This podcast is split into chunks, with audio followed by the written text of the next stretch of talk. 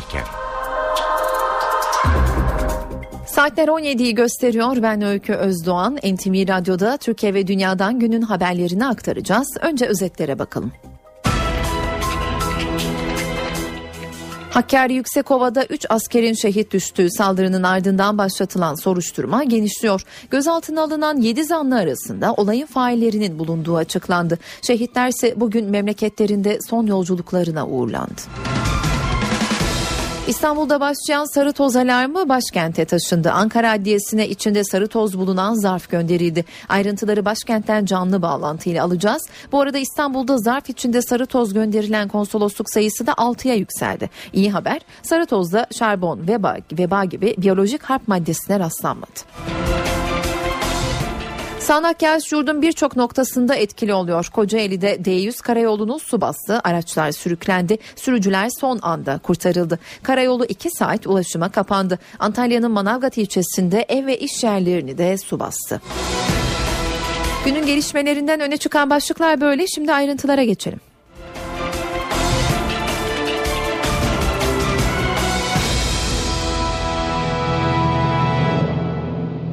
Hakkari'de 3 askerin şehit edilmesinin ardından başlatılan soruşturma sürüyor. Gözaltına alınanların sayısı 7'ye yükseldi. Başbakan Ahmet Davutoğlu gözaltındaki zanlıların olayın failleri olduğunu söyledi. Bu arada Genelkurmay Başkanlığı bir köy korucusunun Bitlis'te direğe bağlanarak şehit edilmesini kınadı.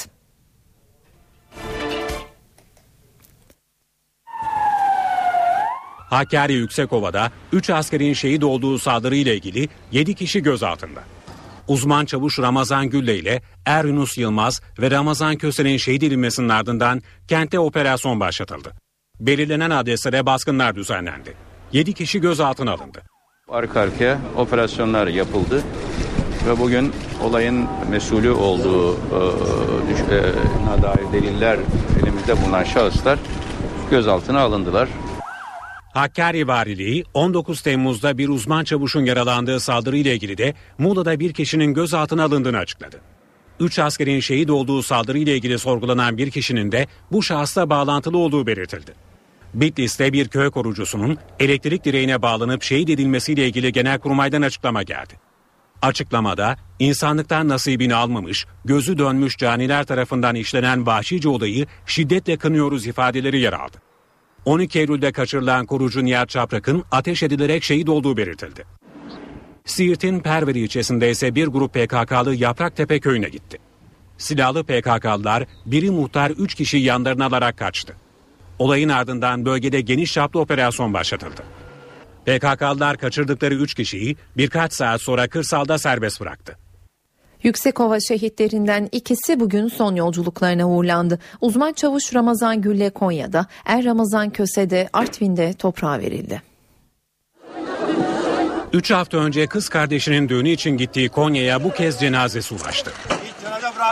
Uzman çavuş Ramazan Gülle'yi son yolculuğuna uğrayanlar arasında 11 yaşındaki oğlu da vardı. Cenazeye yüzlerce kişi katıldı. Şehit babasını Ulaştırma, Denizcilik ve Haberleşme Bakanı Lütfü Elvan teselli etti. Uzman Çavuş Gülden'in Hakkari'deki görevi 7 ay sonra bitecekti. 13 yıllık asker geride gözü yaşlı bir eşle iki yetim bıraktı. Yüksekova'da şehit olan askerlerden Er Ramazan Köse'ye de Artvin'de veda vardı. Cenaze namazı Borçka Merkez Camii'nde kalındı. Şehidin annesi rahatsızlandığı için törene katılamadı. Tezkeresine 6 ay kala şehit olan Er Ramazan Köser'in cenazesine Çalışma ve Sosyal Güvenlik Bakanı Faruk Çelik de katıldı. 22 yaşındaki şehidin naaşı Borçka Şehitlik Mezarlığı'nda son yolculuğuna uğrandı. Yüksekova'da 3 askerin şehit edilmesi muhalefetin de gündeminde. HDP'li Demirçelik partisine yöneltilen eleştirilere yanıt verdi. Hem PKK'ya hem de hükümete çağrıda bulundu silahsız olmaları ayrıca üzerinde hassasiyete durmamız gerekendir. Bunu doğru bulmadığımı, her türlü ölümün önüne geçmemiz gerektiğini, ölme ve öldürmenin çare olmadığından hareketle de barış ve barış parametrelerinin harekete geçmemiz gerektiğini ifade etmek istiyorum. Misilleme olduğu tespiti, söylemi Halkların Demokratik Partisi MYK'sında dile getirilmiş değildir. ifade edilmiş değildir. Sadece üst üste iki olayın yaşanmış olmasının bizi demokratik çözüme yüklediğimiz misyona ve ona biçtiğimiz değere rağmen bizi yeniden savaş ortamına götürebileceğine ilişkin duyulan kaygıdır, endişedir. Bunu zaten kaygısını duymamak, endişe etmemek insanlıktan çıkmış olmak demektir. Yoksa üç gerilaya karşı üç asker ya da üç askere karşı üç gerilla bu algıdan kurtulmamız gerekiyor. Ayıptır, günahtır, yazıktır, vicdani değil, insani değil. Biz futbol maçı oynamıyoruz. CHP Genel Başkan Yardımcısı Sezgin Tanrıkulu tüm taraflara sağduyu çağrısı yaptı. Sağduyuya davet ediyorum. Ee, kan öfkeyle, kanla yıkanmaz. Kan akılla ve vicdanla ancak temizlenir ve bir daha kan akıtılması önlenir. MHP Grup Başkan Vekili Oktay Vural ise saldırıyı değerlendirirken hükümeti çözüm süreci üzerinden eleştirdi.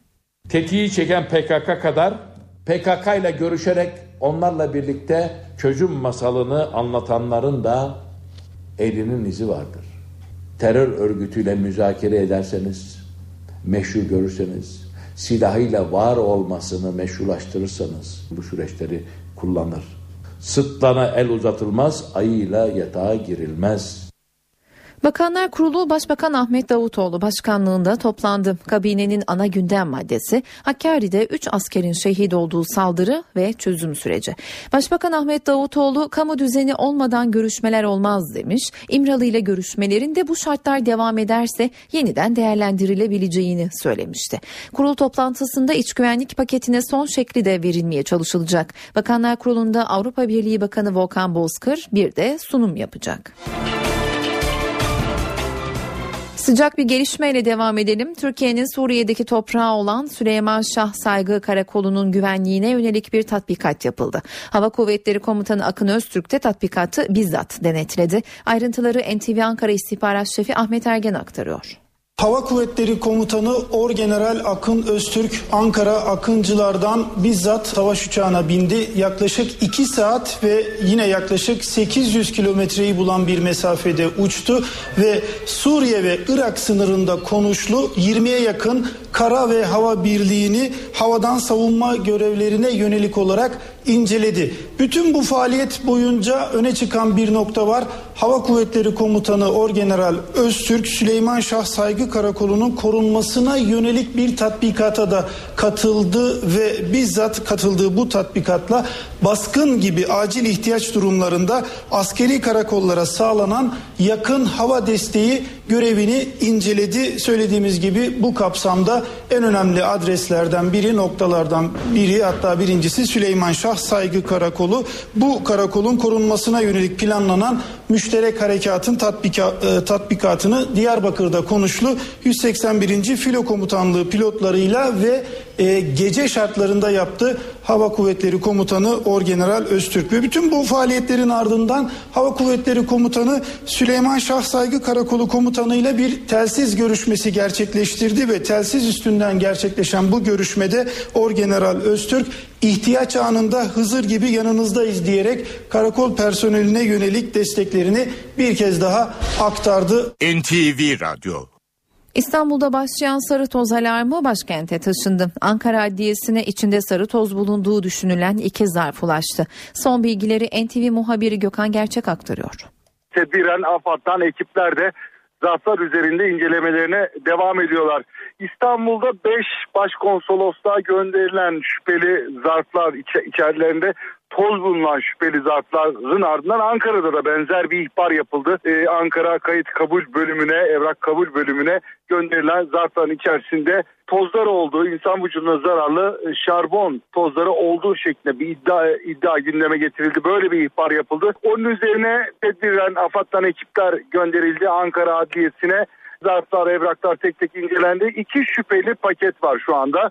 İçleri açılmadı. İstanbul'daki olayda içleri açılmış paketlerin sarı tozlar çıkmıştı ama bu kez şüphelenilen iki paket var içlerinde. Ne olup e, ne olup ne olmadığı şu an için bilinmiyor. İstanbul'da zarf içinde sarı toz gönderilen konsolosluk sayısı 6'ya yükseldi. Zarfın gittiği son adres Macaristan Başkonsolosluğu'ydu. 6 konsolosluk çalışanı gözetim altında. Sağlık Bakanlığı'ndan ise rahatlatan bir açıklama geldi. İlk aşamada 5 konsolosluğa gönderilen sarı tozun incelenmesinde şarbon ya da veba gibi biyolojik harp izine rastlanmadı. Cuma günü tetkik için hastaneye kaldırılan 25 konsolosluk çalışanı da taburcu edildi. Ayrıntıları NTV muhabiri Can Ertun anlatıyor. sur. Doktor Sadi Konuk Eğitim ve Araştırma Hastanesi'nden hastaların son durumuna ilişkin bir açıklama yapıldı. Ayrıntılarına girmek gerekirse açıklamanın öncelikle Cuma gününden bu yana buraya yatırılan 5 konsolosluğun çalışanı 25 kişi taburcu edilmiş durumda. Bu kişilerin vücudunda herhangi bir biyolojik ajana rastlanmadığı belirtildi. Ancak bu sadece yapılan araştırma, e, inceleme ve tetkikler Ankara Hıfzı sadece biyolojik ajan, ajanlar üzerine değil aynı zamanda kim kimyasal herhangi bir ajan olup olmadığı da araştırılıyor. Bu tetkikler biraz daha sürüyor ancak biraz da hastaların konsoloslukların talebi çerçevesinde kimyasal ajanlarla ilgili tetkikler sonlandırılmadan buradaki 25 kişi e, taburcu edildi. Peki ne olabilir? Yani elde edilen tetkikler e, çerçevesinde e, size ulaşan herhangi bir bilgi var, var mı? O toz ne tozuydu şeklinde soru sordu basın mensupları. He, henüz kesin bir bilgi olmamakla beraber tebeşir tozu olabileceği yönünde yönünde hıfzızadan bir bilgi geldi. Ancak araştırmaların, incelemelerin hala devam ettiği belirtildi. Benzeri bir toz olayı sabah saatlerinde İstanbul Levent semtindeki Macaristan Başkonsolosluğu'nda da yaşanmıştı. Toplam 6 kişi buraya getirildi. Ee, benzeri şekilde burada özel bir kata yerleştirildiler ve onların da örnekleri, o tozun örnekleri de Ankara Hıfzı gönderildi. Ancak onların eğer herhangi bir bulguya rastlanmasa dahi onların taburcu kalıcı olması da yaklaşık 48 saati bulabilir dendi. Çünkü yapılan tetkikler özellikle şarbon konusunda ve diğer ajanlar konusunda iki gün içinde e, sonuç veriyor. Dolayısıyla eğer herhangi bir bulguya rastlanmasa dahi Macaristan Başkonsolosluğundan getirilip buraya yatırılan kaldırılan 6 kişinin en iyi ihtimalle çarşamba sabah saatlerinde taburcu olmasını bekliyor hastane görevlileri. Az önce de belirttik biyolojik olarak şarbon, e, veba ya da diğer herhangi herhangi bir biyolojik harp unsuruna rastlanmadı. Kimyasal tetkikler devam ediyor. Hastane düzenli olarak açıklamalar yapacağını bildirdi.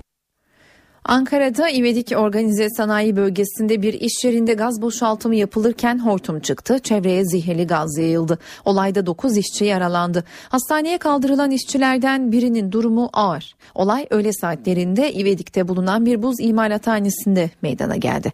Sıvı karbondioksit boşaltımının yapıldığı sırada bağlantı hortumu çıktı ve zehirli gaz çevreye yayıldı. Oluşan beyaz gaz tabakasının arkasında kalan 8 işçiyle tanker şoförü gazdan etkilendi. Olay yerine çok sayıda ambulans ve sağlık ekibi sevk edildi. Hastaneye kaldırılan 9 işçiden 8'i ayakta tedavi edildi. Bir işçinin ise durumu ağır. Sağnak yağmur otoyolu vurdu. Kocaeli'de D100 karayolu sel nedeniyle kapandı. Araçlar sürüklendi, sürücüler son anda kurtarıldı. Yol 2 saat süren çalışmanın ardından tekrar trafiğe açılabildi. D100 karayolu suyla kaplandı. Araçlar metrelerce sürüklendi. Kocaeli'de şiddetli yağış nedeniyle Acı Su Deresi taştı. Taşan su İzmit Sapanca Karayolu'na ulaştı. Araçlar Eşme mevkiinde mahsur kaldı. Karşıda bir tane araba var şu an o sürüklenmeye başladı. Ona bağırıyoruz arabadan in diye. Adam inemiyor arabadan kapıyı açamıyor. Yani çok korkunç bir olaydı. Mahsur kaldık. Zorla yolu açtık geri geri kaçtık buradan. Canımızı zor kurtardık. Suyla dolan araçlardaki yaşlı ve hastalar sedyelerle çıkarıldı. Büyük bölümü suyla kaplanan D100 karayolu Kartepe ilçesinden Adapazarı'na kadar ulaşıma kapandı. Yolda kalan araçlar Tem otoyoluna yönlendirildi. Acı Su semtinde çok sayıda ev ve iş yerine de su bastı. Evlerin önünde yarım metreyi bulan su birikintileri oluştu. Sağnak Mersin'in Anamur ilçesinde de etkiliydi. Şiddetli yağışa dayanamayan isnat duvarı çöktü, göçük altında kalan 13 araç kullanılamaz hale geldi. Çorum'da ise toprak kayması sonucu 10 köyle ulaşım kesildi. Kargı ilçesine bağlı Saraycı köyü yakınlarındaki eski Sinop karayolunda heyelan meydana geldi. Enerji hatları koptuğu için köylere elektrik de verilemiyor. Kötü hava şartları deniz ulaşımını da etkiledi. İstanbul'la Bursa arasındaki bazı deniz otobüsü seferleri iptal edildi. Sağnak yağışın etkili olduğu noktalardan biri de Antalya Manavgat. İlçede iki gün boyunca aralıksız yağan yağmur su baskınlarına yol açtı. Bilanço ağır oldu. Çok sayıda mahalle su altında kaldı. Ev ve iş yerlerindeki eşyalar kullanılamaz hale geldi. Esnaf çamurla kaplanan dükkanları temizlemeye başladı. Kullanılamayacak hale gelen birçok eşya ise hurdacılara verildi. Kaymakamlık ve AFAD'a bağlı 20 kişilik ekip ilçedeki hasarı tespit etmeye çalışıyor. NTV Radyo Şimdi Kobani'deki çatışmalarda son duruma bakacağız. IŞİD'in kuşatması 43. günde ve kuşatmanın başladığı günden bu yana en şiddetli gece çatışması dün kayda geçti. IŞİD yüzünü peşmergelerin olası geçiş güzergahı olduğu için Mürşit Pınar sınır kapısının karşısına çevirdi. Ayrıntıları Suruç'tan NTV muhabiri Gökhan Bedük'ten alacağız. Kuşatma altındaki Kobani kentinde çatışmalar bütün şiddetiyle devam ediyor. Aslında dün akşam son derece ciddi çatışmalar yaşanmıştı, sert çatışmalar yaşanmıştı İŞİD ve YPG arasında. Hatta şöyle söylendi, kuşatmanın başından beri yaşanan en şiddetli gece çatışmasıydı. O saatlerde çok büyük bir patlama meydana geldi. Suruç'tan bile duyuldu bu patlama. Müthiş bir e, gürültüydü bu ve alev topu adeta büyük bir alev topu gökyüzüne doğru yükseldi. Daha sonra bu patlamanın bir saldırı olduğu ortaya çıktı ama intihar saldırısı olduğu ortaya çıktı. İşit militanları bomba yüklü bir araçla YPG mevzilerine saldırmak istemişti. Son anda fark edildi ve imha edildi. İşit militanlarının kullandığı bu araç çok büyük bir patlama meydana geldi ee, ve hemen ardından da çatışmalar yoğunlaştı. Sabaha kadar sürdü. Bugün ise sabahtan itibaren havan toplarıyla karşılıklı saldırılar vardı. Bu arada bölgede çok yoğun bir hava hareketliliği var. Ee, zaman zaman koalisyon uçakları bombardıman yapıyor. İşit mevzilerini vuruyor. Bugün öğlen saatlerinde kentin doğusundaki bir IŞİD mevzisi savaş uçaklarınca vuruldu. Bu arada Amerikan Merkez Komutanlığı CENTCOM bir açıklama yapmıştı. 7 IŞİD hedefi daha doğrusu 7 IŞİD aracı ve bir e, IŞİD binası yani IŞİD militanlarının karargah olarak kullandığı Kobani'deki bir bina vuruldu diye bir açıklama yapmıştı. Aslına bakarsanız bugün de birkaç kez e, hava saldırısı olduğunu düşünürsek öğleden sonra da bir tane oldu. E, bu sayının arttığını düşünüyoruz. Bununla beraber savaşın bilançosu da açıklandı. Kuşatmanın başından beri Kobani'de çatışmalarda 800 kişi hayatını kaybetti. Bunlardan 500'ünün IŞİD militanı olduğu belirtiliyor. Diğerlerinin ise YPG savaşçıları ve siviller. Çatışmalar devam ediyor, bütün bir hızla devam ediyor. Özellikle Mürşitpınar sınır kapısının çevresinde büyük çatışmalar var. Biz de bugün Müşrikler sınır kapısının olduğu noktaya çok yakın bir yere gittik. Arka arkaya uçak savarlarla, havan toplarıyla, uzun menzilli top atışlarıyla adeta kent harabeye dönmüştü. Özellikle Müşrikler sınır kapısının yakınındaki binalardan çoğunluğu tamamen tahrip olmuştu diyebiliriz. Evet çatışmalar devam ediyor. Bu arada merak edilen bir şey daha var. Peşmergenin gelişi takviye güçler olarak 150 ağır silahlı peşmergenin geleceği belirtiliyordu bu hafta içerisinde hala e, ne zaman geleceği konusunda bir bilgi yok. Peşmerge etkileri bu askeri sırdır diyor e, açıklama yapmıyor. Ama bu hafta içerisinde Peşmerge'nin Kobani'ye e, şu anda savaşın olduğu Mürşit Pınar sınır kapısından giriş yapması bekleniyor. NTV Radyo 9. Cumhurbaşkanı Süleyman Demirel 28 Şubat davasında tanıklık yapmayacak. Hükümeti devirmeye teşebbüs iddiasıyla 103 kişinin ağırlaştırılmış müebbet hapis istemiyle tutuksuz yargılandığı davada mahkeme son duruşmada dönemin Cumhurbaşkanı Süleyman Demirel'in tanık olarak dinlenmesine karar vermişti. Bugün görülen davanın 67. duruşmasına Demirel avukatları aracılığıyla haber gönderdi ve tanıklık yapmayacağını bildirdi. Duruşmada 45 şikayetçinin davada ifadesinin alınmasına karar verdi verildi. Mecliste dört eski bakanla ilgili yolsuzluk iddialarını incelemek için kurulan soruşturma komisyonu Çevre ve Şehircilik eski bakanı Erdoğan Bayraktar'ın oğlu Abdullah Oğuz Bayraktar, Futbol Federasyonu eski başkanı Mehmet Ali Aydınlar ve iş adamı Ali Ağoğlu'nu dinledi. Abdullah Oğuz Bayraktar komisyon üyelerinin daveti üzerine saat 10'da İstanbul Adliyesi'nde avukatlarıyla birlikte geldi.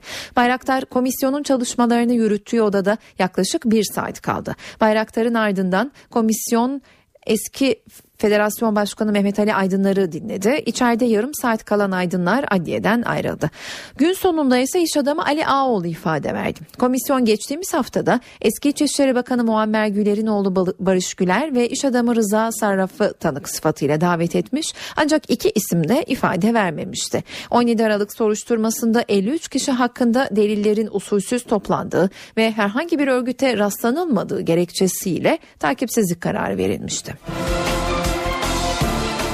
Hakimler ve Savcılar Yüksek Kurulu'nun yeni üyeleri bugün göreve başladı. 22 kişilik yeni heyetin önünde önemli dosyalar var. İlk toplantısını yarın yapacak kurul önce daire başkanlığını belirleyecek ardından kritik soruşturmalara imza atan hakim ve savcılar hakkındaki şikayet dosyalarını inceleyecek.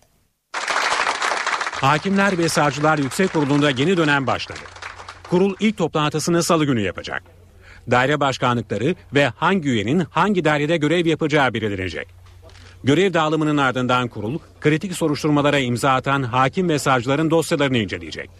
İlk dosya savcı Muammer Akkaş'la ilgili.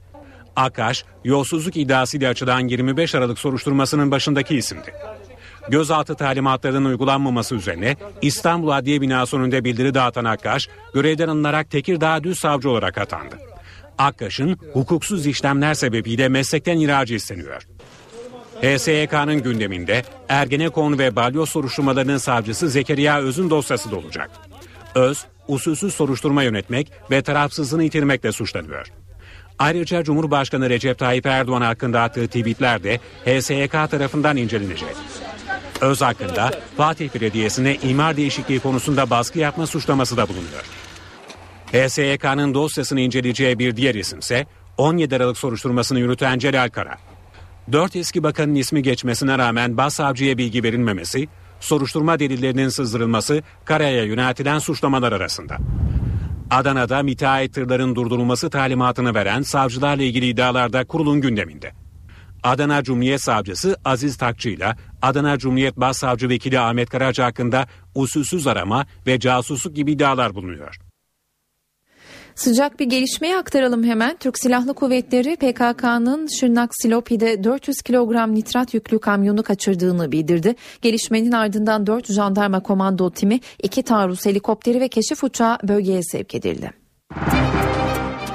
Para ve sermaye piyasalarından son verileri aktaralım. BIST 100 endeksi şu sıralar 79.239 puan seviyesinde. Bankalar arası piyasada dolar 2.23, euro 2.83'ten işlem görüyor. Kapalı çarşıda ise Cumhuriyet altını 592, çeyrek altın 144 liradan satılıyor. Aranın ardından yeniden karşınızda olacağız. Eve dönerken devam ediyor. Saat 17.30 ben Öykü Özdoğan eve dönerken haberler haber turuyla devam ediyor. Türk Silahlı Kuvvetleri PKK'nın Şırnak Silopi'de 400 kilogram nitrat yüklü kamyonu kaçırdığını bildirdi. Gelişmenin ardından 4 jandarma komando timi, 2 taarruz helikopteri ve keşif uçağı bölgeye sevk edildi.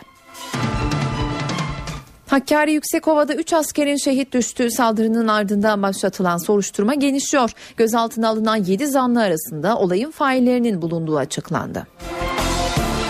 İstanbul'da geçen haftadan bu yana devam eden sarı toz alarmı Ankara Adliyesi'ne taşındı. Tıpkı İstanbul'daki başkonsolosluklarda olduğu gibi Ankara Adliyesi'ne de içinde sarı toz bulunan zarf gönderildi. AFAD ekipleri adliyede inceleme yapıyor. Bu arada İstanbul'da başkonsolosluklara gönderilen sarı tozda şarbon ve bağ gibi biyolojik harp maddesine rastlanmadığı açıklandı. Öne çıkan haberlerin özetlerini aktardık. Gündemdeki diğer gelişmelerle devam edelim.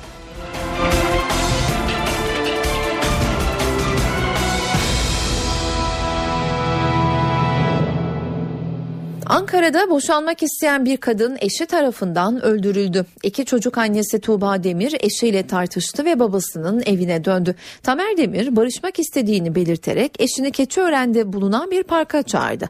Parka annesiyle birlikte giden Tuğba Demir bir süre eşiyle konuştu. Genç kadının annesi çifti yalnız bırakmak için parka dolaşmaya başladı. Genç kadın eşine boşalmak istediğini söyledi. Cinnet getiren öfkeli eş pompalı tüfekle Tuğba Demir'i başından vurdu. İki çocuk annesi 23 yaşındaki genç kadın olay yerinde hayatını kaybetti.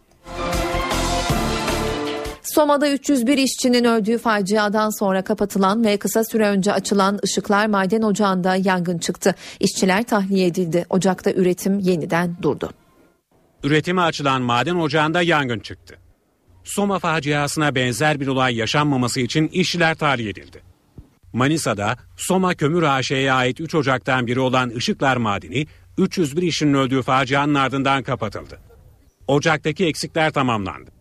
Müfettişlerin olumlu rapor vermesi üzerine maden 15 Ekim'de yeniden üretime başladı. Ancak hafta sonu yapılan ölçümlerde ocağın 3 ve 4. ayağında karbon monoksit gaz oranı sınırın üstünde çıktı. Kömürün kızışması sonucu çıkan yangının büyümemesi için ocağın her iki ayağına da duvar örüldü. Madendeki işçiler hemen tahliye edildi. Üretim yapılmadığı zaman, kömür ortamından alınmadan bekletildiği zaman e, kızışma ve yangın meydana geliyor. Soma kömürlerin bir özelliği bu. Oksijene temas ettiğinde e, yangına sebebiyet veriyor. Işıklar Maden Ocağı 10 gün boyunca kapalı kalacak. Yangının durumuna göre açılıp açılmayacağına karar verilecek. 301 işin hayatını kaybettiği Eynez Ocağı'nda ölümlerin çoğu karbon monoksit zehirlenmesinden yaşanmıştı. Yoksulluk sınırı 4 bin liraya dayandı. Türk İş'in araştırmasında Ekim ayında 4 kişilik bir ailenin açlık sınırı 1205, yoksulluk sınırı da 3926 lira olarak hesaplandı. Gıda harcamaları aylık %1,3 oranında arttı. Yıllık artış ise %13,5 oldu. 4 kişilik bir ailenin sağlıklı ve dengeli beslenebilmesi için yapması gereken mutfak masrafı ise günlük 40 lira.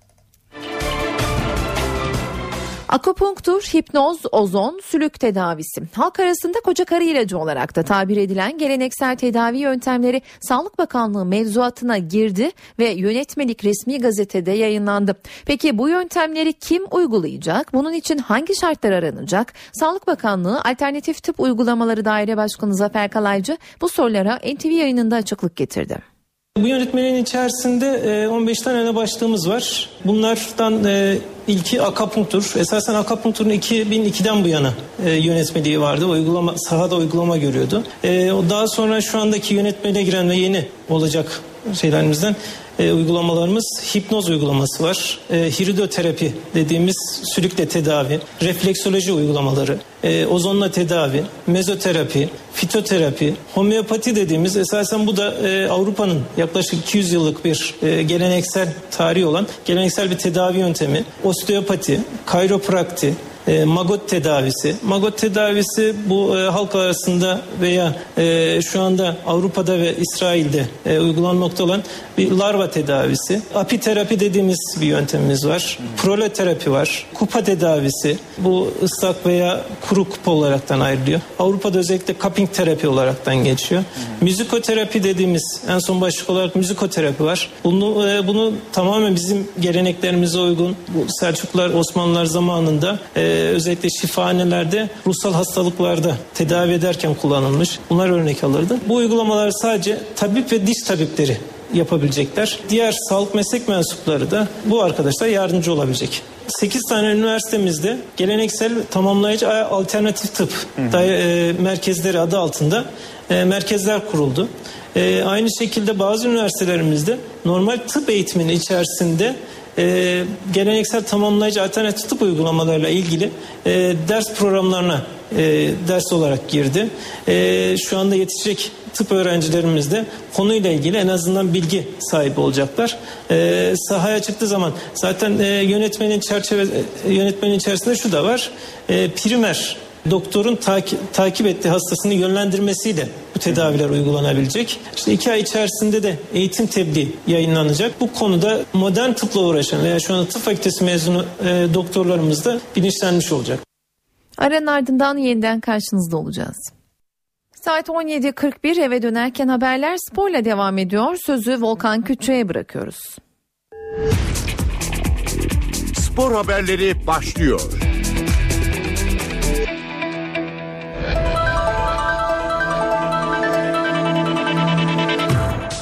Beşiktaş Kayseri 3 oyuncusundan yoksun gitti. Siyah beyazlıları bir grup Beşiktaş taraftarı coşkuyla karşıladı. Spor Toto Süper Lig'in 7. haftasında Erciyes Spor'la karşılaşacak Beşiktaş Kayseri'de coşkuyla karşılandı. Bir grup taraftar havaalanında futbolculara tezahüratlarla destek verdi. Taraftarlar meşale yaktı. Beşiktaş kafilesinde sakatlıkları süren Sosa, Serdar Kurtuluş ve Mustafa Pekdemek yer almadı. Partizan maçında kasığından sakatlanan ve tedavisi süren Gökhan Töre ise takımla Kayseri'ye götürüldü. Ancak genç oyuncunun durumu maç saati netleşecek. Galatasaray'ın İstanbul Başakşehir'e 4-0 yenildiği maçın ardından Florya'da zirve vardı. Teknik direktör Cesare Prandelli ile yönetim kurulu üyesi Abdurrahim Albayrak bir araya geldi. Toplantıda sorunlar ve yapılması gerekenler masaya yatırıldı. Spor Toto Süper Lig'in 7. haftasında Başakşehir'e 4-0 yenilen Galatasaray'da maçın ardından Metin Oktay tesislerinde durum değerlendirmesi yapıldı. Teknik direktör Prandelli, Abdurrahim Albayrak'la bir araya gelerek takımın geleceği hakkında fikir alışverişinde bulundu. İtalyan teknik adam sezon başından bu yana yaşanan sorunları dile getirdi. Prandelli daha çok çalışmaları gerektiğini anlatarak dördüncü yıldızı kazanmak için kenetlenmeleri gerektiğini vurguladı. Galatasaray'da yeniden göreve başlayan Albayrak da takımda futbolcuların kalitesine ve karakterine her zaman güvendiğini ifade ederek oyuncularla daha yakından ilgileneceklerini ve morallerini yüksek tutmak için her şeyi yapacaklarını söyledi. Toplantıda takımda yapılacak değişiklikler de gündeme geldi. Prandelli oyuncu sayısının çok fazla olduğunu savundu. Albayrak da buna katıldığını ifade ederek ancak takımdan uzaklaştırılan bazı isimlere yeniden şans verilmesini istedi. Toplantının ardından önce Prandelli ardından da Abdurrahim Albayrak Florya Metin Oktay tesislerinden ayrıldı. Fenerbahçe'de gözler Beşiktaş derbisine çevrildi. Teknik direktör İsmail Kartal kadroda önemli değişiklikler yapmayı planlıyor. Gençler Birliği galibiyetiyle moral bulan Fenerbahçe önümüzdeki hafta Beşiktaş'la oynayacağı derbi maçın hazırlıklarına başladı. Teknik direktör İsmail Kartal derbiye farklı bir 11 ile çıkacak. Bruno Alves cezası nedeniyle bu maçta oynayamayacak. Ancak Bekir İrtegül'ün cezası sona erdi. Stoper'de Kadlets ve Bekir'in forma giymesine kesin gözüyle bakılıyor. Böylece bu hafta zorunlu olarak stoperde oynayan Mehmet Topal da kendi pozisyonuna dönecek. İsmail Kartal Gençler Birliği maçında hafif sakatlığı bulunan Caner Erkin'e ilk 11'de görev vermemiş ve oyuna sonradan dahil etmişti. Milli oyuncu derbide takımdaki yerini alacak. Hücum hattındaysa kıyasıya bir rekabet var. Kartal ileride kaytı düzenli olarak kullansa da diğer iki forma için aday bol. Beşiktaş derbisinde Galatasaray maçında olduğu gibi Emenike'nin görev alması bekleniyor. Avni Aker'de gol düellosunda kazanan çıkmadı. Gaziantep Spor iki farklı öne geçtiği maçta Trabzonspor'la 4-4 berabere kaldı. Maçın ardından konuşan Trabzonspor Teknik Direktörü Vahit Halilosic takımına sahip çıktı. Yenilen golleri konsantrasyon kaybına bağlayan Boşnak Çalıştırıcı takımının mücadelesinden memnun olduğunu söyledi. Bu akşam oyuncularımı tebrik etmem gerekir. Çünkü bu şekilde 4, 4 gol yemek bir takımın moralini... Qui marque le but, tout de suite au contre on prend le but. Bir gol atıyoruz ve başlar başlamaz hemen peşinden bir gol Ça c'est yedik. que ma concentration. Bu tamamen konsantrasyon eksikliğidir. Et malgré ça, ils ont réussi à la fin égaliser. Ve bunlara rağmen maçın sonunda beraberliği yakaladılar. Vous savez, on peut garder côté négatif, mais au- côté positif aussi. Yani biliyorsunuz şimdi negatif yönünden bakabilirsiniz olaya bir de pozitif yönünden Mais bakabilirsiniz. pour le moment, je dois protéger mon équipe. Ama ben şimdilik sadece takımımı korumak durumundayım. Tout qu'est-ce qui est mauvais, vous mettez sur moi. Her ne olumsuz veya kötü yaşandıysa bu akşam hepsini bana yükleyin. Gençlik ve Spor Bakanı Akif Çağatay Kılıç e-biletin amacına ulaştığını söyledi. Bakan Kılıç e-biletin faydalarını son derbide daha iyi gördüklerini belirtti. Spor camiası Antalya'da düzenlenen federasyonlar boyutuyla Türk sporunun geleceği çalıştayında bir araya geldi. Toplantı öncesinde basın mensuplarının sorularını yanıtlayan Gençlik ve Spor Bakanı Akif Çağatay Kılıç birçok konuda medyayı bilgilendirdi. Elektronik biletin amacının sporda şiddeti önlemek olduğunu bir kez daha vurgulayan Bakan Çağatay Kılıç, elektronik biletin amacına ulaştığını ve bunu son derbide daha iyi gözlemlediklerini dile getirdi. Elektronik biletin en büyük sınavının geride kalan Galatasaray-Fenerbahçe derbisi olduğunu söyleyen Bakan Kılıç, geçen sezon yani e-biletin olmadığı dönem resmi rakamlarda Türk Telekom Arena'da bulunan seyirci sayısı 47 bin. Bu seneki derbide bulunan seyirci sayısı ise 37 bin. Bilet fiyatları pahalı. Nereden bakarsanız bakın geçen seneki katılımı 5000 dolaylarında düşürmüştür. Maç sırasında sahaya atılan yabancı maddeler vardı ama ufak tefekti. Doğrudan futbolcuya küfrettiği ve kamera kayıtlı olduğu için sadece bir kişi ceza aldı dedi. Spor Bakanı Çağatay Kılıç sporda şiddeti önlemede kulüp yöneticilerine de çok büyük sorumluluk düştüğünü söyledi.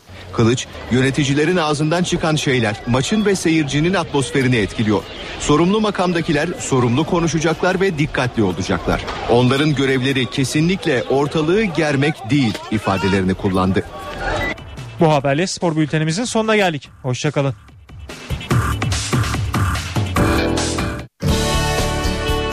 Bonnie Tyler bu akşam İstanbul'da konser veriyor. O benim dünyamın orijinal versiyonu Holding Out for a Hero'yu seslendiren It's a Heartache, Total Eclipse of the Heart gibi şarkıların sahibi Tyler, Cemal Reşit Rey konser salonunda İstanbul'da müzikseverlerle buluşuyor. Performans başlama saati 20. Akbank Jazz Festivali kapsamında ise Zap dinlenebilir bu akşam. Radiohead'den ilham alarak albüm kaydeden Hollandalı yaylı çalgılar dörtlüsü saat 19'da başlıyor performansına. Etkinliğe Akbank Sanat Ev sahipliği yapıyor. Selin Damar da sevenleri için bir konser veriyor bu akşam. Alternatif indie sahnesinin sola isimlerinden Selin Damar, Beyoğlu Hayal Kahvesi'nde sahnede olacak. Konser başlama saatinin 22.30 olduğunu ekleyelim. Ezgi'nin günlüğü de İzmir'de hayranlarıyla bir araya geliyor. İzmir AKM Yunus Emre salonundaki performans saat 20.30'da başlıyor. Tiyatro severler için de bir önerimiz var. Yaşamaya dair Yunus Emre Kültür Merkezi'nde tiyatro severler için sahnede olacak bu akşam. Nazım Hikmet'i konu alan Yaşamaya dair adlı müzikal oyunu uyarlayan ve yöneten Genco Erkal. Tülay Günal'ın rol aldığı oyun saat 20.30'da açıyor perdelerini. Bu akşam evdeyseniz saat 21'de The Last Ship, öncesinde ise saat 20.30'da The Exes ekranda olacak. Star TV'de ise saat 20.30'da yerli dizi Reaksiyon, 23.30'da ise yabancı film Kolombiyalı İntikam Meleği ekranda olacak. İstanbul'daki yol durumunu aktaralım. Anadolu yakasından Avrupa yakasına geçişlerde Boğaziçi Köprüsü'nün yoğunluğu Acıbadem'den itibaren Fatih Sultan Mehmet Köprüsü'nün yoğunluğu ise Küçük Bakkalköy'den başlıyor. Aksi istikamette de trafik oldukça sıkışık. Fatih Sultan Mehmet Köprüsü Gazi Osman Paşa'dan itibaren köprü çıkışında Kavacık'a kadar sıkışık görünüyor. Boğaziçi Köprüsü de Ok Meydanı'ndan itibaren Anadolu yakasında Altunizade'ye kadar oldukça sıkışık görünüyor. Tekstil Kent iki tel istikametinde de trafiğin oldukça yoğun olduğunu belirtelim. Yine Avrupa yakasında Çağlayan Kavga itibaren kesintisiz olarak Hemen bakalım Sefaköy'e kadar çok yoğun bir trafik göze çarpıyor. Anadolu yakasında da sahil kesiminde trafik var. Başı büyükten itibaren Gül suyuna kadar sahil kesimi oldukça sıkışık ve son olarak yine Anadolu yakasında Gebze Kurtköy istikametinde Mehmetçik Vakfı'ndan itibaren Kurtköy'e kadar oldukça yoğun görünüyor. Trafik iyi yolculuklar dileriz.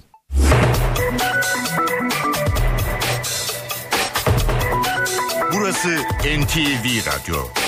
Saat 18. Saat 18.01 ben Öykü Özdoğan. Türkiye ve dünyada günün öne çıkan haberleriyle karşınızdayız. Başkentte hareketli dakikalar yaşanıyor. Bakanlar Kurulu toplantısı öncesi Başbakanlıkta güvenlik toplantısı yapıldı. Notları Ankara'dan Deniz Kilislioğlu aktaracak. Türk Silahlı Kuvvetleri PKK'nın Şırnak Silopi'de 400 kilogram nitrat yüklü kamyonu kaçırdığını bildirdi. Gelişmenin ardından 4 jandarma komando timi, 2 taarruz helikopteri ve keşif uçağı bölgeye sevk edildi. Hakkari Yüksekova'da 3 askerin şehit düştüğü saldırının ardından başlatılan soruşturma genişliyor. Gözaltına alınan 7 zanlı arasında olayın faillerinin bulunduğu açıklandı. İstanbul'da başlayan sarı toz alarmı başkente taşındı. Ankara Adliyesi'ne içinde sarı toz bulunan zarf gönderildi. Ayrıntıları başkentten canlı bağlantıyla alacağız. Bu arada İstanbul'da zarf içinde sarı toz gönderilen konsolosluk sayısı da 6'ya yükseldi. İyi haber sarı tozda şarbon, veba gibi biyolojik harp maddesine rastlanmadı. Sağnak yağış yurdun birçok noktasında etkili oluyor. Kocaeli'de D100 karayolunu, Antalya'nın Manavgat ilçesinde ev ve iş yerlerini su bastı. Peki şiddetli yağış ne kadar sürecek? Hangi iller için risk var? NTV Meteoroloji Editörü Gökhan Abur'un bilgisine başvuracağız. 9. Cumhurbaşkanı Süleyman Demirel 28 Şubat davasında tanıklık yapmayacağını mahkemeye bildirdi. Küresel ısınma Avrupa ve Asya iklimini tehdit ediyor. Tokyo Üniversitesi'nin son araştırmasında elde edilen sonuçlara bakacağız. Günün gelişmelerinden öne çıkan başlıklardı bunlar. Şimdi ayrıntılar.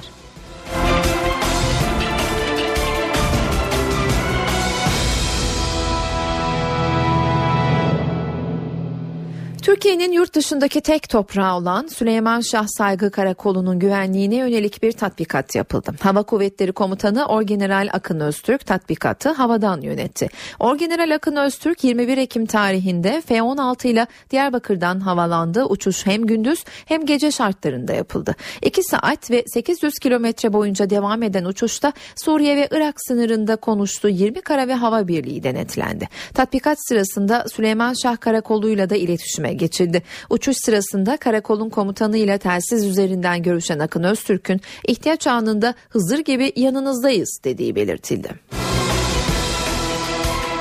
PKK Şırnak Silopi'ye yaklaşık 400 kilogram patlayıcı yüklü bir kamyonu kaçırdı. Açıklama Türk Silahlı Kuvvetlerinden yapıldı. Genelkurmay Başkanlığından yapılan açıklamaya göre PKK üyesi silahlı bir grup Aksu Köyü bölgesinde özel bir kömür ocağına ait yaklaşık 400 kilogram amonyum nitrat yüklü bir kamyonu kaçırdı. PKK'lılar kaçırdıkları kamyondan patlayıcı maddeleri indirip başka bir kamyona yükledi. Ardından da kamyonu ve sürücüsünü bıraktı. Olay üzerine 4 jandarma komando timi yönetimi iki taarruz helikopteri ve keşif uçağı bölgeye sevk edildi. Bakanlar Kurulu Başbakan Ahmet Davutoğlu başkanlığında toplandı ancak toplantı 2 saat rötarlı başladı. Ayrıntıları NTV muhabiri Deniz Kilislioğlu'ndan alacağız. Deniz toplantı neden geç başladı ve gündemde neler var? 15'te planlanıyordu. 17'de başladı Bakanlar Kurulu toplantısı. Çünkü onun öncesinde bir güvenlik zirvesi yapıldı. Başbakan Ahmet Davutoğlu başkanlığında İçişleri Savunma Bakanları o toplantıya katıldı. Genelkurmay ikinci başkanı da vardı toplantıda. Bürokratlar da vardı.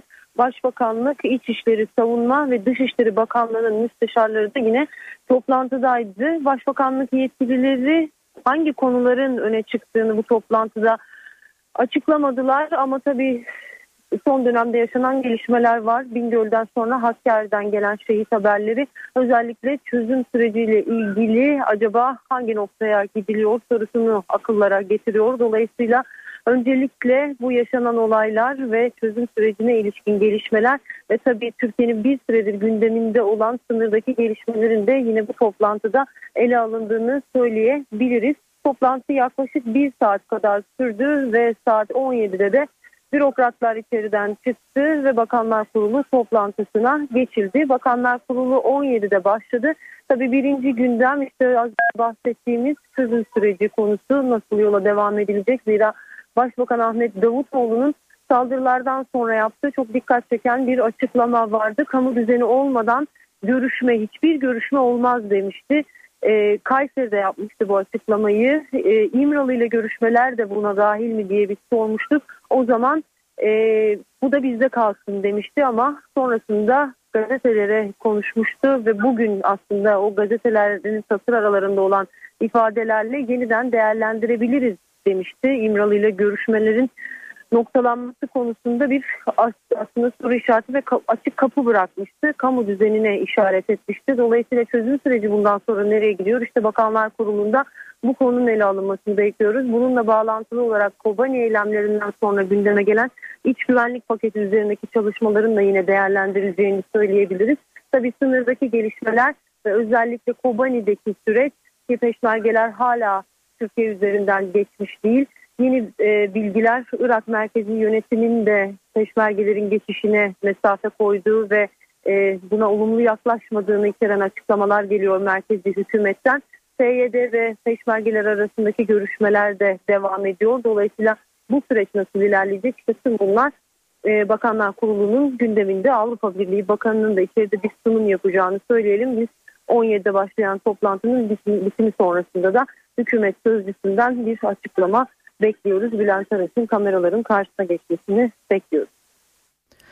NTV muhabiri Deniz Kilislioğlu bildirdi. Hakkari'de 3 askerin şehit edilmesinin ardından başlatılan soruşturma sürüyor. Gözaltına alınanların sayısı 7'ye yükseldi.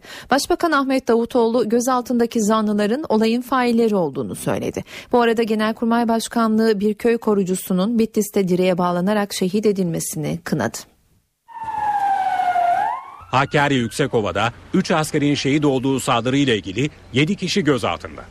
Uzman çavuş Ramazan Gülle ile Er Yunus Yılmaz ve Ramazan Köse'nin şehit edilmesinin ardından kente operasyon başlatıldı. Belirlenen adreslere baskınlar düzenlendi. 7 kişi gözaltına alındı. Arka arkaya operasyonlar yapıldı ve bugün olayın mesulü olduğu e, e, dair deliller elimizde bulunan şahıslar gözaltına alındılar. Hakkari Valiliği 19 Temmuz'da bir uzman çavuşun yaralandığı saldırıyla ilgili de Muğla'da bir kişinin gözaltına alındığını açıkladı. 3 askerin şehit olduğu saldırıyla ilgili sorgulanan bir kişinin de bu şahısla bağlantılı olduğu belirtildi. Bitlis'te bir köy korucusunun elektrik direğine bağlanıp şehit edilmesiyle ilgili Genelkurmay'dan açıklama geldi. Açıklamada insanlıktan nasibini almamış, gözü dönmüş caniler tarafından işlenen vahşice olayı şiddetle kınıyoruz ifadeleri yer aldı. 12 Eylül'de kaçırılan korucu Nihat Çaprak'ın ateş edilerek şehit olduğu belirtildi. Siirt'in Perveri ilçesinde ise bir grup PKK'lı Yapraktepe köyüne gitti. Silahlı PKK'lılar biri muhtar 3 kişi yanlarına alarak kaçtı. Olayın ardından bölgede geniş çaplı operasyon başlatıldı. PKK'lılar kaçırdıkları 3 kişiyi birkaç saat sonra kırsalda serbest bıraktı. Yüksekova şehitlerinden ikisi bugün son yolculuklarına uğurlandı. Uzman çavuş Ramazan Gülle memleketi Konya'da toprağa verildi. Çeltek ilçesindeki cenazeye yüzlerce kişi katıldı. Şehit babasını Ulaştırma Bakanı Lütfi Elvan teselli etti. Saldırıda şehit olan askerlerden Er Ramazan Köse'ye de Artvin'de veda edildi. Cenaze namazı Borçka Merkezi Camii'nde kılındı. Şehidin annesi rahatsızlandığı için camideki törene katılamadı. Tezkeresine 6 ay kala şehit olan Er Ramazan Köse'nin cenazesine Sosyal Çalışma ve Sosyal Güvenlik Bakanı Faruk Çelik de katıldı. Yüksekova'da 3 askerin şehit edilmesi muhalefetin de gündeminde. HDP'li Demir Çelik partisine yöneltilen eleştirilere yanıt verdi. Hem PKK'ya hem de hükümete çağrıda bulundu. Silahsız olmaları ayrıca üzerinde hassasiyete durmamız gerekendir.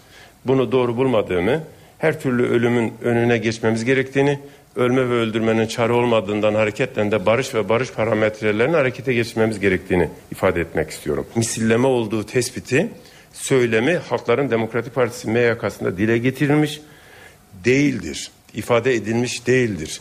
Sadece üst üste iki olayın yaşanmış olmasının bizi demokratik çözüme yüklediğimiz misyona ve ona biçtiğimiz değere rağmen bizi yeniden savaş ortamına götürebileceğine ilişkin duyulan kaygıdır, endişedir. Bunu zaten kaygısını duymamak, endişe etmemek insanlıktan çıkmış olmak demektir. Yoksa üç gerilaya karşı üç asker ya da üç askere karşı üç gerila bu algıdan kurtulmamız gerekiyor. Ayıptır, günahtır, yazıktır, vicdani değil, insani değil. Biz futbol maçı oynamıyoruz. CHP Genel Başkan Yardımcısı Sezgin Tanrıkulu tüm taraflara sağduyu çağrısı yaptı. Sağduyuya davet ediyorum. Ee, kan öfkeyle, kanla yıkanmaz. Kan akılla ve vicdanla ancak temizlenir ve bir daha kan akıtılması önlenir.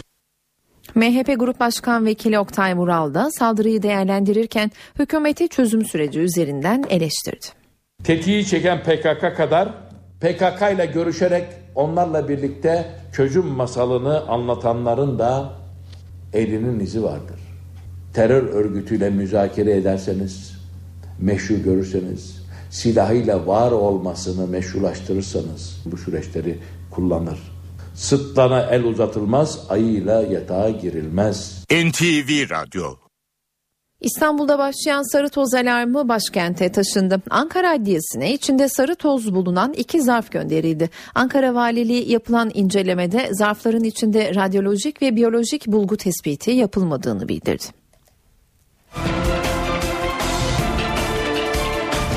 Sarı tozda biyolojik harp maddesine rastlanmadı. İstanbul'da 5 başkonsolosluğa gönderilen zarfların içinden çıkan sarı tozla ilgili Sağlık Bakanlığı'ndan yapılan açıklama bu yönde. Ancak ileri biyolojik tetkikler ve kimyasal analizler sürüyor.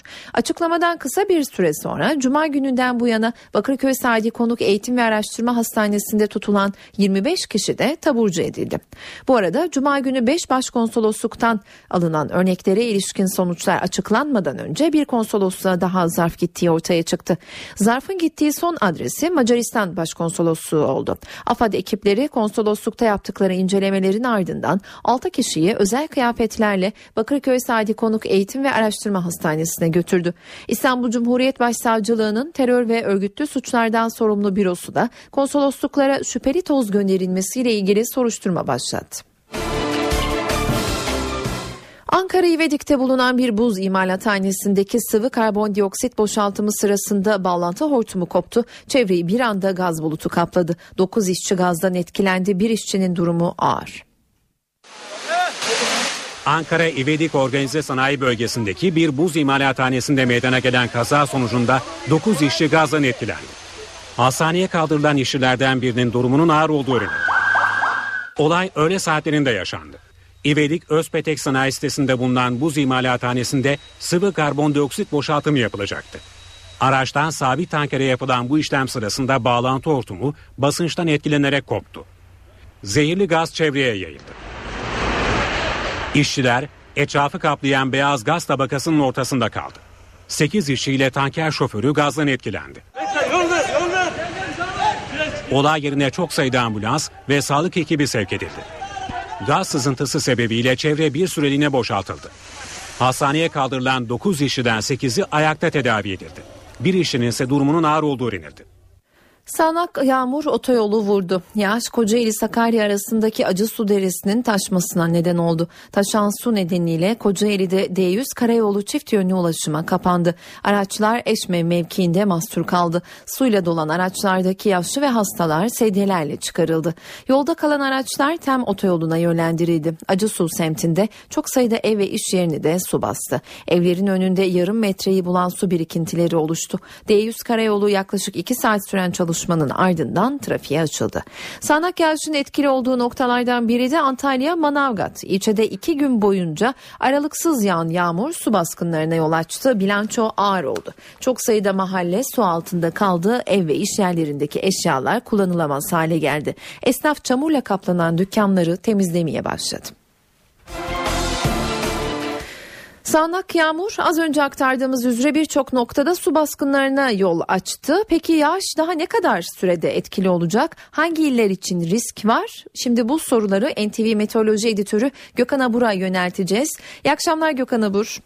İyi akşamlar. Sizi dinliyoruz. Evet söylediğiniz gibi e, bu akşam yağışlar devam ediyor. Güne bugün için özellikle Marmara'nın kuzey ve doğusundaki yağışlar e, gece boyu aralıklarla devam edecek.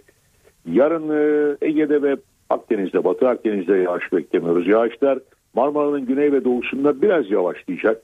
Rüzgar da yavaşlayacak. Bugün çok sert bir poyraz vardı. Bu gece de rüzgar kuvvetli esmeye devam edeceği için hissedilen sıcaklıklar bir hayli düşüktü. Ama yarın rüzgarın zayıflaması e, sıcaklıkları hissedilen sıcaklıkları en azından biraz yükseltecek. Yarın İstanbul'da beklediğimiz en yüksek hava sıcaklığı 15 derece civarında olacak.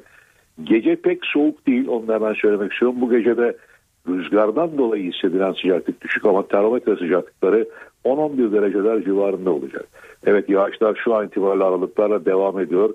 Ee, çarşamba günü yağışların biraz daha hafiflemesini bekliyoruz. Özellikle Marmara'da hafif yağış geçişleri var. İç Ege'de yağışlar var. İç Anadolu bölgesinde yağışlar aralıklarla devam edecek.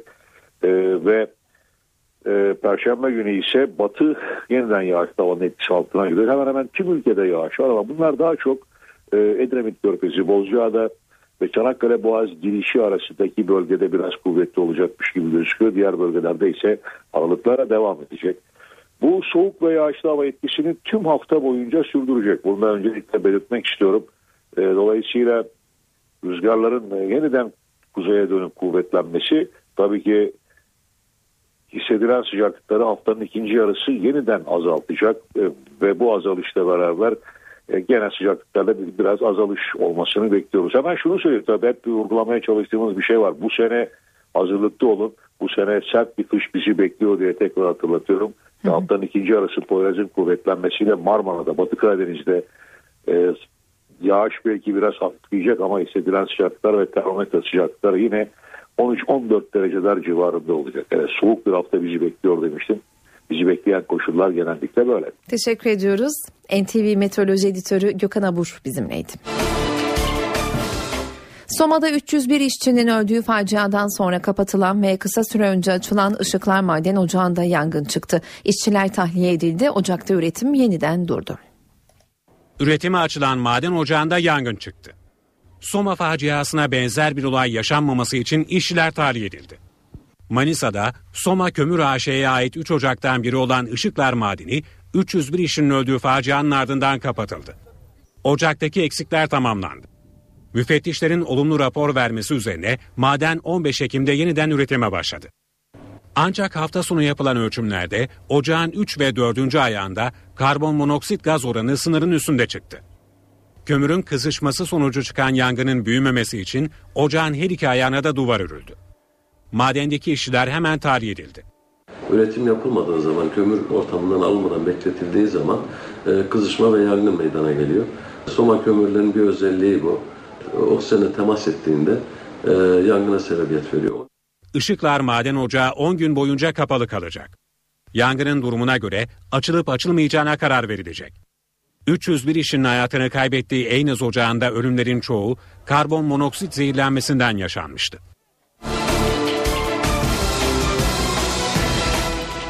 Yoksulluk sınırı 4 bin liraya dayandı. Türk İş'in araştırmasında Ekim ayında 4 kişilik bir ailenin açlık sınırı 1205, yoksulluk sınırı da 3926 lira olarak hesaplandı. Gıda harcamaları aylık %1,3 oranında arttı. Yıllık artışsa %13,5 oldu. 4 kişilik bir ailenin sağlıklı ve dengeli beslenebilmesi için yapması gereken mutfak masrafı ise günlük 40 lira.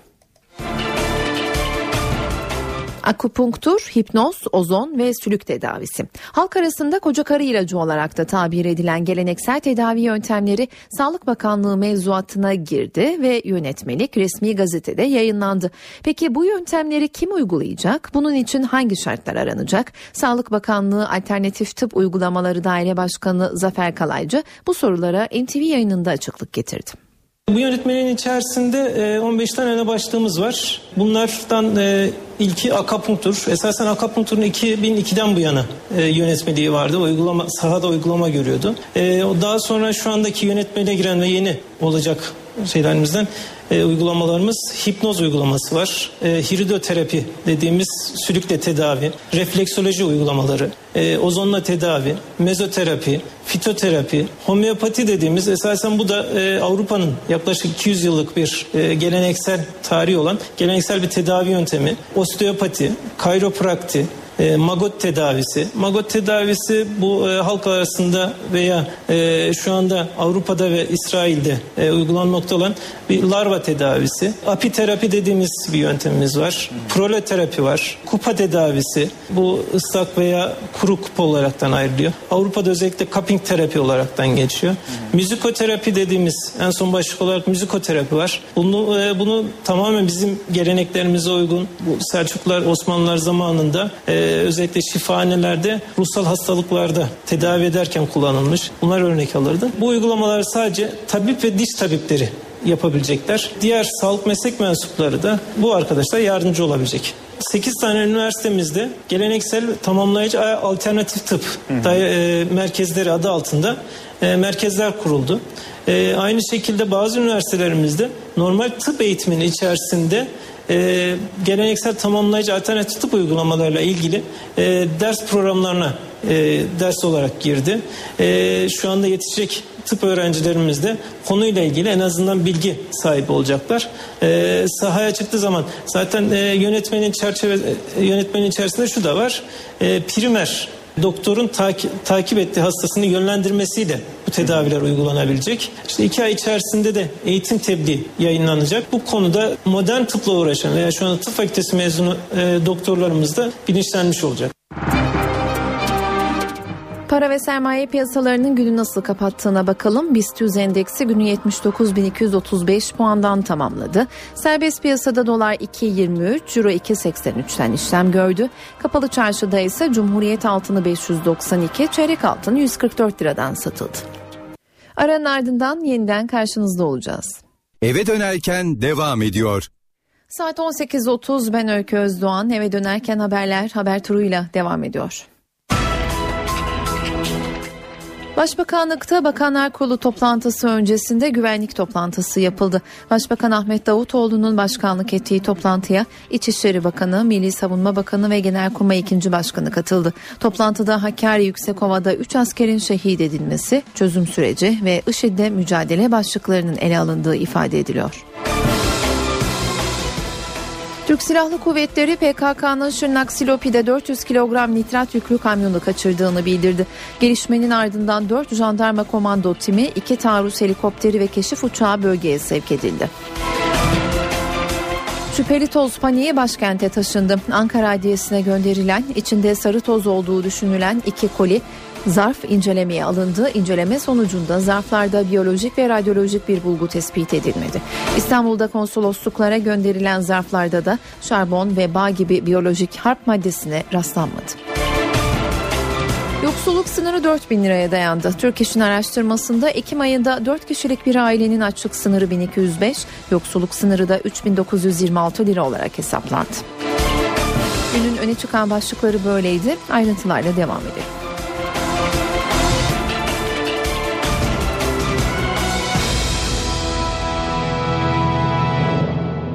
9. Cumhurbaşkanı Süleyman Demirel 28 Şubat davasında tanıklık yapmayacak. Hükümeti devirmeye teşebbüs iddiasıyla 103 kişinin ağırlaştırılmış müebbet hapis istemiyle tutuksuz yargılandığı davada mahkeme son duruşmada dönemin Cumhurbaşkanı Süleyman Demirel'in tanık olarak dinlenmesine karar vermişti.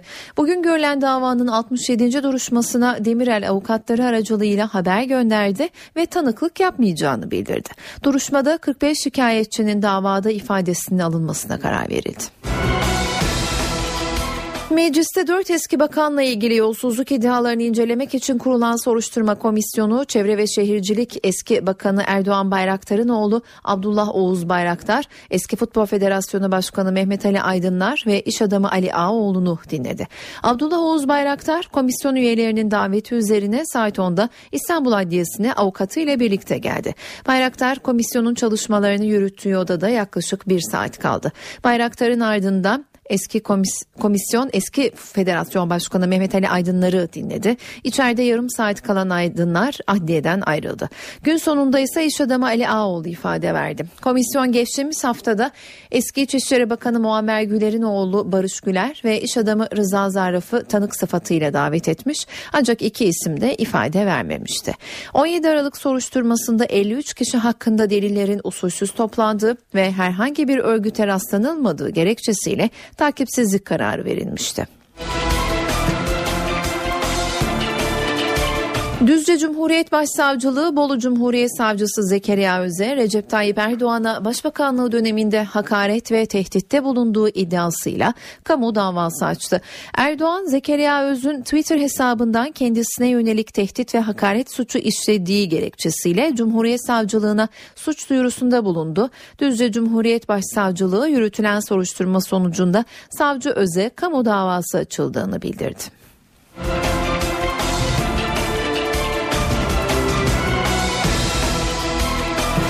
CHP basın özgürlüğüne ilişkin kalemi kırılan gazeteciler başlıklı bir rapor hazırladı. Raporu CHP Cezaevleri Komisyonu hazırladı ve CHP Genel Başkan Yardımcısı Veli Ağbaba açıkladı. AK Parti'nin en büyük medya patronu haline geldiğini savunan Ağbaba, AK Parti özgür basının en büyük düşmanıdır ve sayıları 1863'ü geçen gazetecilerin işten çıkarılmasının tek sorumlusudur dedi. Ağbaba, Türkiye'de özgür basının otosansür, işsiz bırakma şantajı ve cezaevine gönderilme tehdidiyle susturulmaya çalışıldığını tüm dünyaya göstereceklerini de söyledi. CHP Genel Başkan Yardımcısı kitaplaştırılan raporu Cumhurbaşkanı Erdoğan'a da göndereceklerini açıkladı. NTV Radyo bir dönemin en çok tartışılan filmlerinden Gece Yarısı Ekspresi'nin gerçek hayattaki kahramanı Billy Hayes 29 Ekim Cumhuriyet Bayramı törenlerinde New York'a Wall Street'e Türk bayrağını göndere çekecek. Hayes şaka gibi görünse de bunun iyileştirici yanını önemsiyorum. Türkiye ile yeniden bir araya gelmem dünyaya yarar sağlayacak dedi. Gece Yarısı Ekspresi İstanbul'da üzerinde 2 kilo uyuşturucuyla yakalanan Bill Hayes'in hikayesinin anlatıldığı 1978 yapımı film Türkiye'nin yurt dışındaki imajına zarar verdiği için yıllarca eleştirildi. Şimdi o filmin gerçek hayattaki kahramanı Hayes 29 Ekim'de New York'ta Türk bayrağını göndere çekecek. Hayes, Türk bayrağını göndere çekmekten onur duyacağını söyledi. Amacım bilmeyen insanlara Gece Yarısı Ekspresi filminin Türkiye, Türkler ya da İstanbul olmadığını göstermek. Bu fırsatla bunu yapabilmeyi umuyorum. Bill Hayes 2 kilo uyuşturucuyla yakalanınca önce ömür boyu sonra da 30 yıl hapse mahkum edilmişti. Sağmacılar ve İmralı'da geçen 5 yıllık hapis hayatından sonra cezaevinden kaçan Hayes'in Türkiye günlerini anlatan kitabı 18 dile çevrildi. Kitap Oliver Stone tarafından 1978 yılında Gece Yarısı Ekspresi adıyla Beyaz Perde'ye uyarlandı. Film en iyi müzik ve senaryo dalında iki Oscar aldı. Arap Baharı'nın başladığı Tunus'ta hafta sonu sandığa gidildi. Zeynel Abidin bin Ali'nin devrilmesinin ardından yapılan ikinci genel seçimde ilk sonuçlar Laik Nida Tunus Partisi'nin 217 sandalyeli parlamentoda 80'den fazla sandalye kazandığını gösteriyor. İslamcı Ennahda'nın ise 67 sandalye elde ettiği belirtiliyor. Bu sonucun doğrulanması halinde Ennahda gerilemiş olacak. İslamcı Parti 2011'de yapılan seçimlerde parlamentodaki sandalyelerin çoğunluğunu kazanmıştı. Arap Baharı'nın en az zarar verdiği ülke Tunus oldu. Devrim sonrası Tunus'ta seçimler yapılabilmiş. Ennahda Partisi halk desteğiyle iktidara gelmişti. Zeynel Abidin bin Ali ayaklanma sonrası Suudi Arabistan'a kaçmıştı.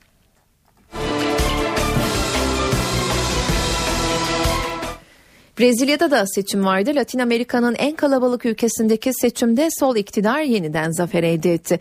Brezilya'nın Dünya Kupası'nı kaybettiği zamanlardan beri sessiz kalan sokaklar ilk kez şenlendi. Rousseff ülkenin kuzeyinde yoksulların çoğunlukta olduğu eyaletlerde önemli başarılar elde etti.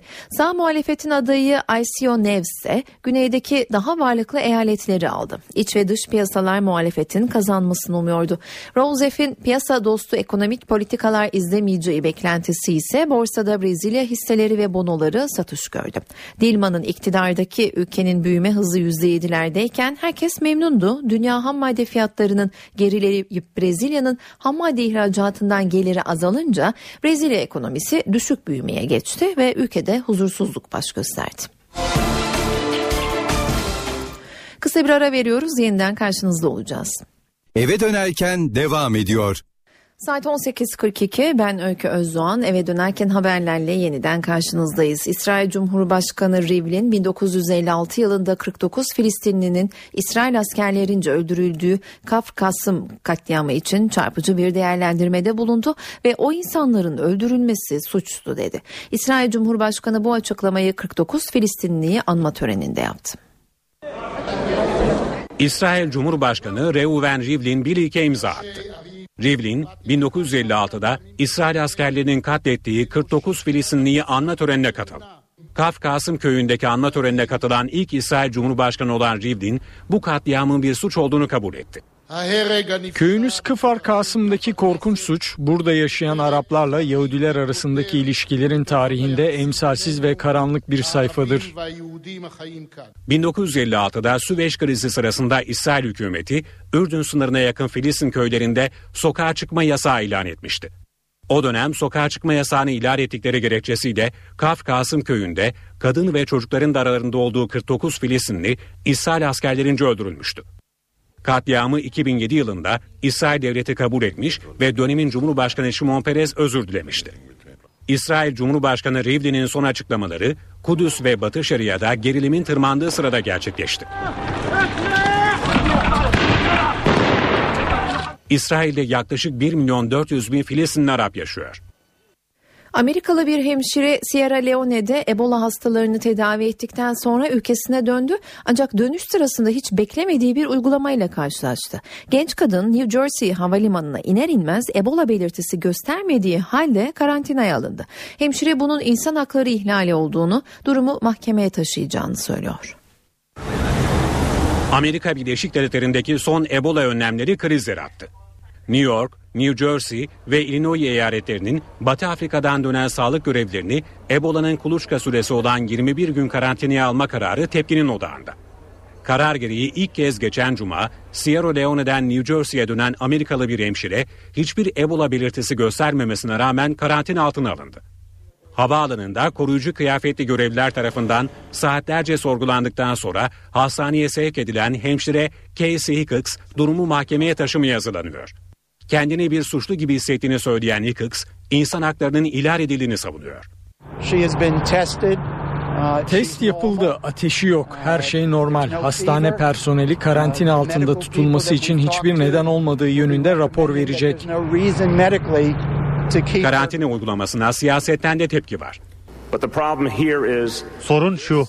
Bölgede doğru iş yapan ve ülkesine dönen bir kahramana saygısızca muamele ediliyor. Sanki yanlış bir şey yapmış gibi davranılıyor. Washington'da kaygılı. Beyaz Saray'dan bu tarz uygulamaların sağlık çalışanlarını Batı Afrika'ya gitmekten caydıracağı yorumu geldi. Tepkiler üzerine New York valisi Andrew Cuomo geri adım attı. Karantina New York'ta bir nebze hafifletildi. Buna göre Batı Afrika'dan dönen sağlık görevlileri hastanede değil evlerinde 21 gün karantinaya alınacak ve günde iki kez kontrol edilecekler. Güney Afrika'da savcılar 5 yıl hapse mahkum edilen ampute atlet Oscar Pistorius'la ilgili hükmü ve cezayı temize götürüyor.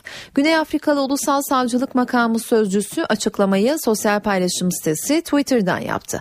Savcılık Sözcüsü Pistorius hakkında verilen dikkatsizlik sonucu adam öldürme kararına ve 5 yıl hapis cezasına itiraz edeceklerini açıkladı.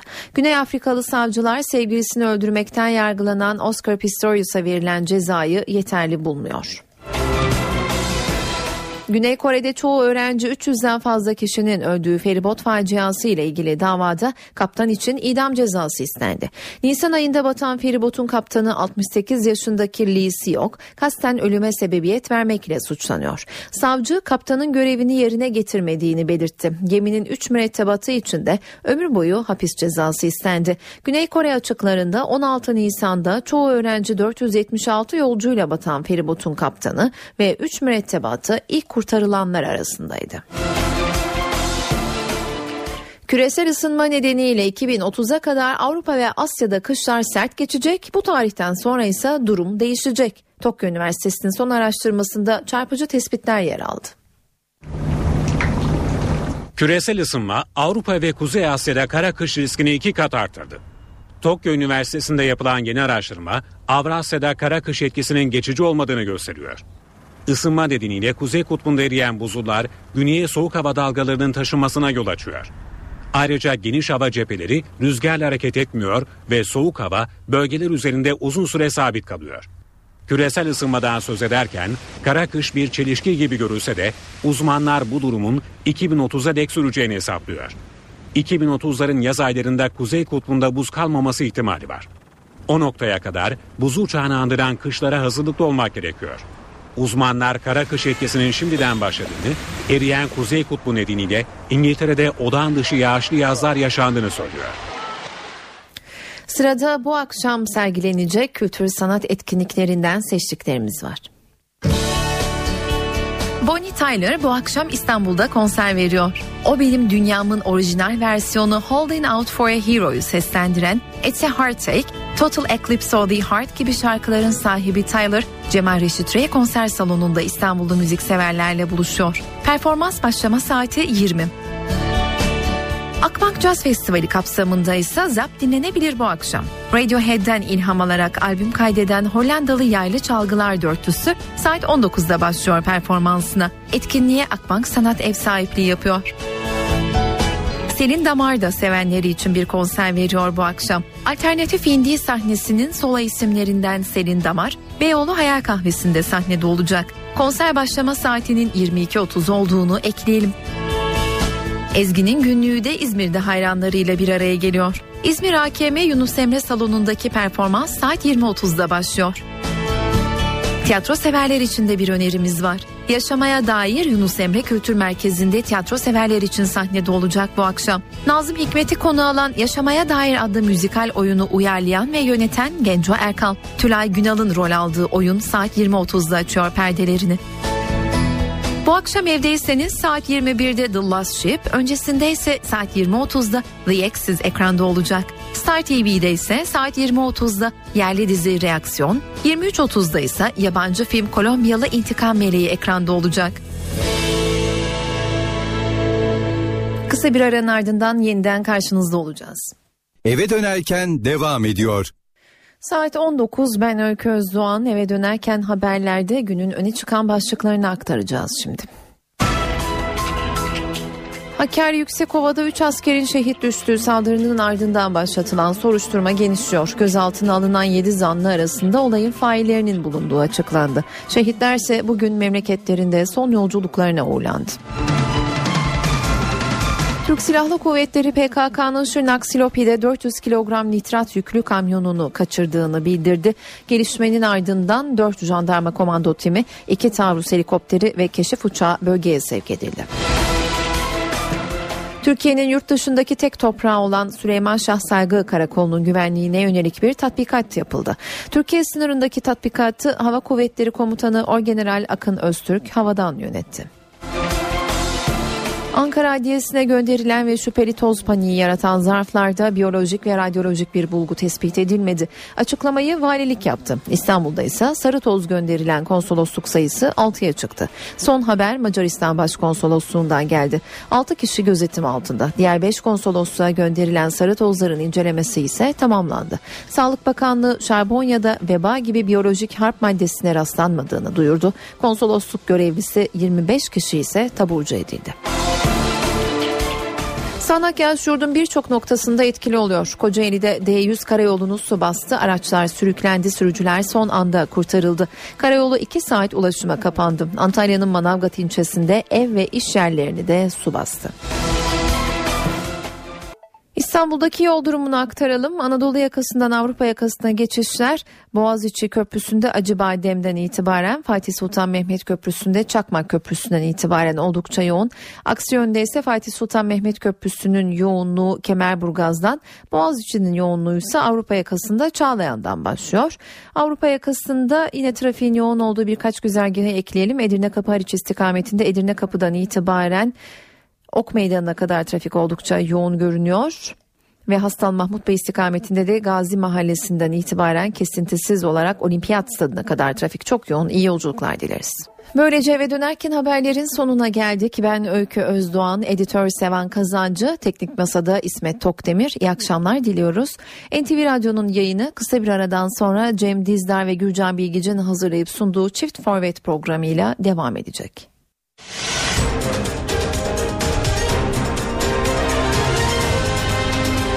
NTV Radyo, Türkiye'nin haber radyosu.